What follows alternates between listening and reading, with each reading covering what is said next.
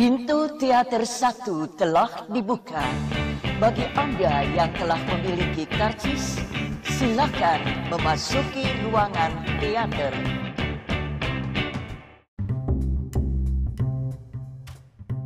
Baik lagi sama gue Mustafa di podcast Habis Nonton Film Kali ini Gue uh, yang udah cukup lama rekaman ini Akan review film Long Shot Dari sutradara Jonathan Levin Yang diperankan oleh Seth Rogen dan Charlize Theron Seth Rogen apa Seth Rogen ya bacanya ya Dan Charlize Theron ya dua karakter yang biasanya berperan dan bermain di film yang berbeda gitu ya. Kalau Charlize Theron tuh biasanya filmnya cukup cukup unik gitu.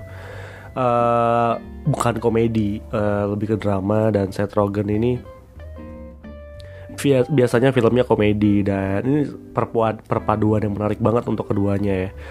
Uh, sebelum gue nge-review ya, uh, I'm gonna tell you something about my life. I've been busy lately. Uh, gila ya ternyata ternyata bekerja terlalu keras tanpa nonton film tuh bikin pusing emang. Pusing banget ya. Uh, once you, uh, ketika lu udah masuk ke industri perfilman gitu ya. Hidup hidup yang tadinya lu bayangkan seperti filmmaker itu tuh mulai timpang makin lama. Kayak misalnya uh, lu mungkin berpikir eh, kerja di film itu bisa nonton film banyak ya ya sometimes yes sometimes no gitu ketika udah ketika udah mulai sibuk mau memproduksi film tuh uh, malah nggak nonton film gitu jadi uh, sebuah sebuah hal yang bertolak belakang gitu ya. Jadi maksudnya kalau mau bikin film harusnya nonton film gitu. Tapi ketika udah sibuk bikin film malah nggak nonton film gitu. Jadi malah ya itu deh pokoknya uh, sibuk mempersiapkan filmnya. Sibuknya sibuk sibuk yang yang apa ya ya meluangkan waktu tiga jam atau dua jam nonton film tuh sebuah hal yang sangat berharga. Ya meskipun begitu nonton Game of Thrones setiap minggu tetap berjalan ya itu mah nggak ada excuse. Aduh, aduh aduh sorry. Nah uh, lanjut. Uh, film ini uh, Long Shot ini sebuah film komedi yang menceritakan tentang dua orang ya sepasang perempuan dan wanita yang eh perempuan wanita perempuan laki-laki yang dulunya pernah kenal sebagai tetangga gitu.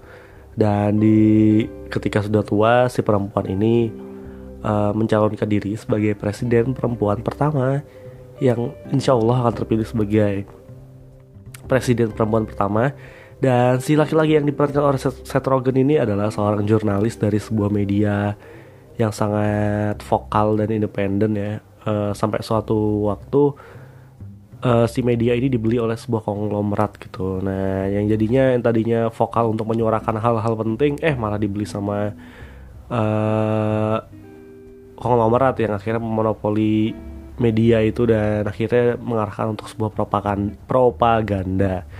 Nah, uh, filmnya itu mempertemukan dua karakter ini gitu ketika di dalam posisi yang sudah menuju ke tujuan masing-masing si Charlotte yang diperankan oleh Charlize Theron ini uh, berusaha untuk menjadi presiden dan si Seth Rogen ini berusaha untuk menemukan pekerjaan yang barunya pekerjaan barunya karena dia tidak mau bekerja di bawah sebuah konglomerat uh, yang apa ya yang menggunakan media sebagai alat propaganda.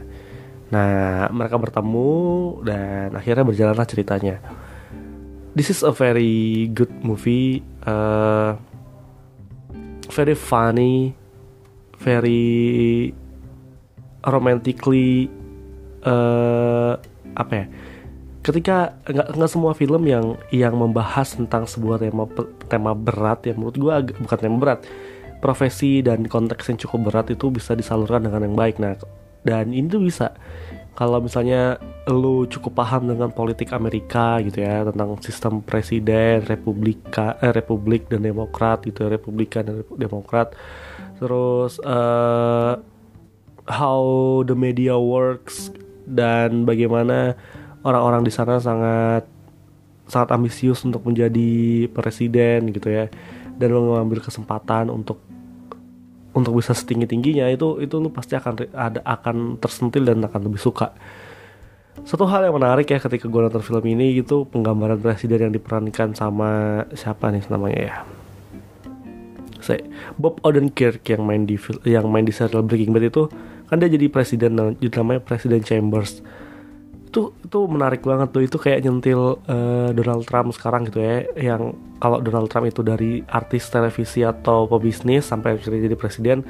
Kalau Presiden Chambers ini dari presiden ingin jadi ingin menjadi artis gitu. Jadi dia lebih suka dunia peran gitu yang which is uh, kalau dunia nyata tuh nggak nggak akan terjadi gitu. Maksudnya kalau dia titik-titik tertinggi seseorang untuk menjadi sebuah seorang penguasa kaya dan terkenal famous tanpa harus susah payah uh, syuting setiap hari ada jadi presiden gitu. Tapi si presiden ini malah memutuskan untuk berhenti menjadi presiden tidak akan mencalonkan lagi dan akan menjadi artis televisi gitu. Artis film lah bilangnya gitu. Nah uh, itu tadi sentilan-sentilan tentang Donald Trump. Kayaknya sih ya gue gue rasa dia nyentuh Donald Trump sih. Siapa ya? Presiden yang bisa digambarin gitu nggak ada sih. Dan film ini menurut gue feminis ya. Film ini sering banget menyentil uh, perempuan itu punya punya power, punya kesempatan, punya equality uh, untuk menjadi seorang pemimpin. Dan perempuan yang lebih tua atau yang lebih berpendidikan itu juga punya hak untuk memiliki cinta gitu. Maksudnya gini uh, in our life gitu ya di society kita kan ketika ada seorang perempuan yang memiliki pendidikan yang lebih tinggi atau uh, ambisi yang lebih tinggi, waktu yang cukup banyak untuk akademis, uh, pokoknya kehidupannya mengejar karir atau mimpinya lah. Kan sebagai cowok ya misalnya uh, rata-rata akan akan merasa tidak tidak tidak se gimana ya ngedeketin cewek yang pendidikannya lebih tinggi atau lebih superior itu itu uh, sedikit lebih susah dan sedikit lebih uh, apa ya? Ya kalau jadi cowok eh enggak deh mending gak usah gitu. Nah, nah film ini tuh ngasih tahu kalau misalnya oh enggak cewek-cewek yang memiliki pendidikan tinggi itu juga punya ya ketika dihubungkan dengan cinta gitu ya dia akan menjadi orang yang sama gitu. Lo nggak perlu nggak usah melihat jabatannya apa. Mau dia menteri kayak mau dia siapa kayak lu nggak perlu merasa takut uh, lu tidak selevel dengan dia gitu. Cinta itu memudarkan itu semua. Anjay fuck. Eh jadi ketika dihubungkan dengan cinta mau lu mau mencalonkan presiden kayak mau lu jurnalis uh, ecek-ecek kayak tapi kalau udah ngomongin cinta itu bisa dipudarkan semuanya dan itu yang digambarin di film ini gitu. Uh, apakah seorang presiden ternama akan mencari atau menikahi seorang jurnalis biasa gitu? Karena itu itu itu premis yang coba dijawab di film ini. Sebuah pertanyaan yang akan dijawab di film ini. Uh, ya ya itu secara garis besar ngomongin itu terus uh, ya menurut gue film ini sudut pandangnya sudut pandang perempuan. Feminis dan beberapa kali nyentil uh, enggak cewek tuh nggak boleh diomongin kayak gitu gitu sih. Apalagi ya uh, lucu banget. Uh, dialognya seru karakter seru banget men. Parah gue suka banget karakternya. Uh, apa ya berkembang dan rasional.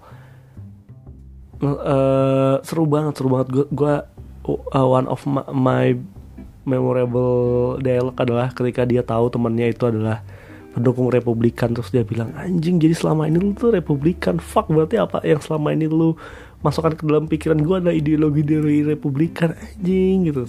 Seru seru banget itu.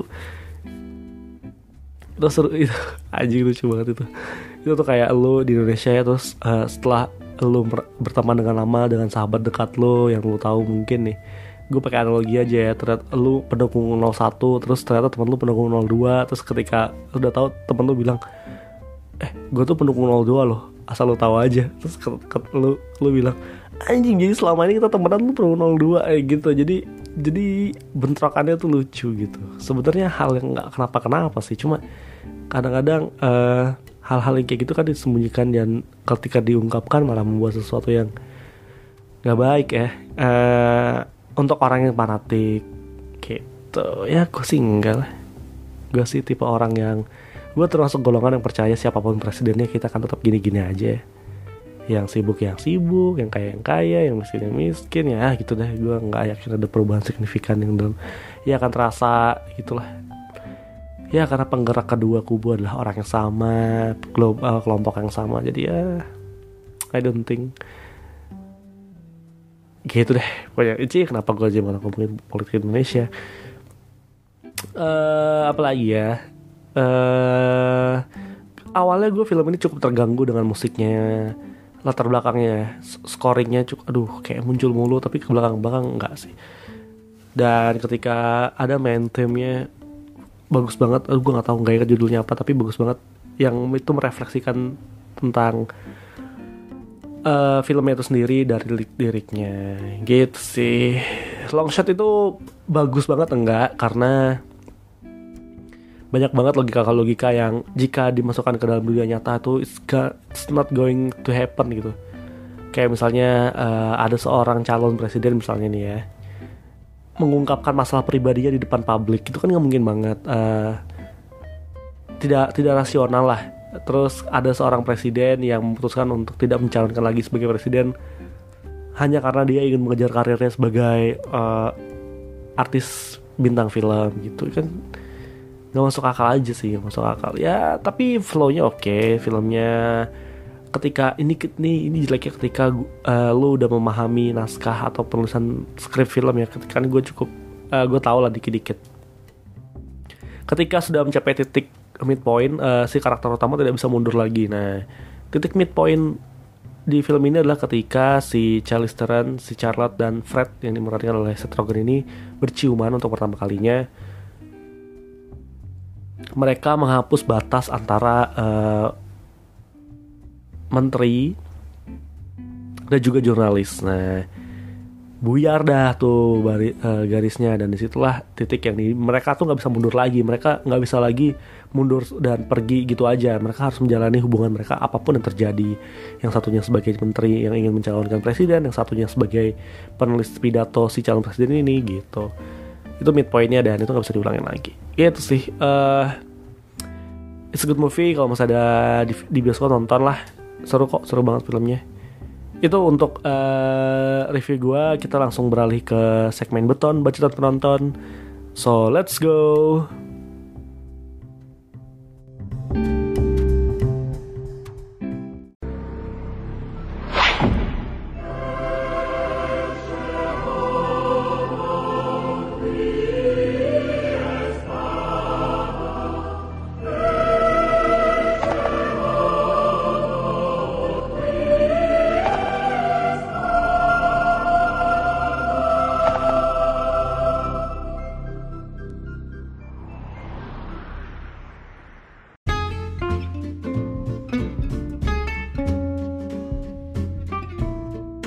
Ya, balik lagi. Kali ini di segmen beton. Baca teman penonton uh, cuma ada empat orang yang ngasih respon ya. Kayaknya nggak semua orang nonton long shot. So you guys nonton lah uh, yang pertama dari bagus taraf uh, political funny. Ya emang kalau kalau lu paham tentang bahasan-bahasan politik Amerika gitu itu, itu lucu banget sih film ini yaitu dari Bagus Taraf terus dari Yohanes Bimo. Keluar bioskop jadi six pack nih ketawa mulu. Ceritanya unik seru dan jokesnya berkelas. Ya jokesnya banyak yang dalam-dalam. Uh, banyak yang kalau orang awam yang tidak tahu konteksnya tuh nggak pasti nggak ketawa. Tapi most of uh, the jokes is fun. Terus dari SB Charlton. Segala macam komedi ada lengkap puas banget ketawa nonton film ini. Ya Setuju. Terus dari Brina, sebenarnya cukup nggak masuk akal dan lumayan cheesy, tapi suka banget lucu satirnya dapat banget tuh. Sama ini ini uh, Brina kita sependapat ya. Uh, emang banyak yang beberapa nggak masuk akal dan cheesy sih, tapi tapi lucu loh, tapi hangat gitu. Kayak mempertemukan dua pasangan yang tidak mungkin sebenarnya jadi mungkin. Uh, audisi yang yang tidak tidak mungkin gitu. Itu kan kayak ngebayangin misalnya nih ini misalnya aja nih uh, siapa ya? Gue tuh gak ngebayangin ada calon presiden secantik Charles Theron sih tapi mungkin kalau Indonesia kayak uh, menteri keuangan kita itu uh, terus mencalonkan diri sebagai presiden terus tiba-tiba ada jurnalis dari mojok.co gitu ya yang pernah dulu suka sama dia terus akhirnya mereka mau menikah gitu itu gitu sih paling kayak gitu. Sebuah analogi yang tidak masuk yang tidak relevan banget ya yang tidak mungkin terjadi di nyata juga sih. Nah ya tapi itulah film ya jadi ya apa apa pun bisa terjadi di film. Gitu uh, apalagi ya udah untuk episode kali ini ya bersyukur gue masih bisa rekaman ya di tengah kesibukan ini uh, semoga gue bisa rutin update ya karena wow kesibukan ini.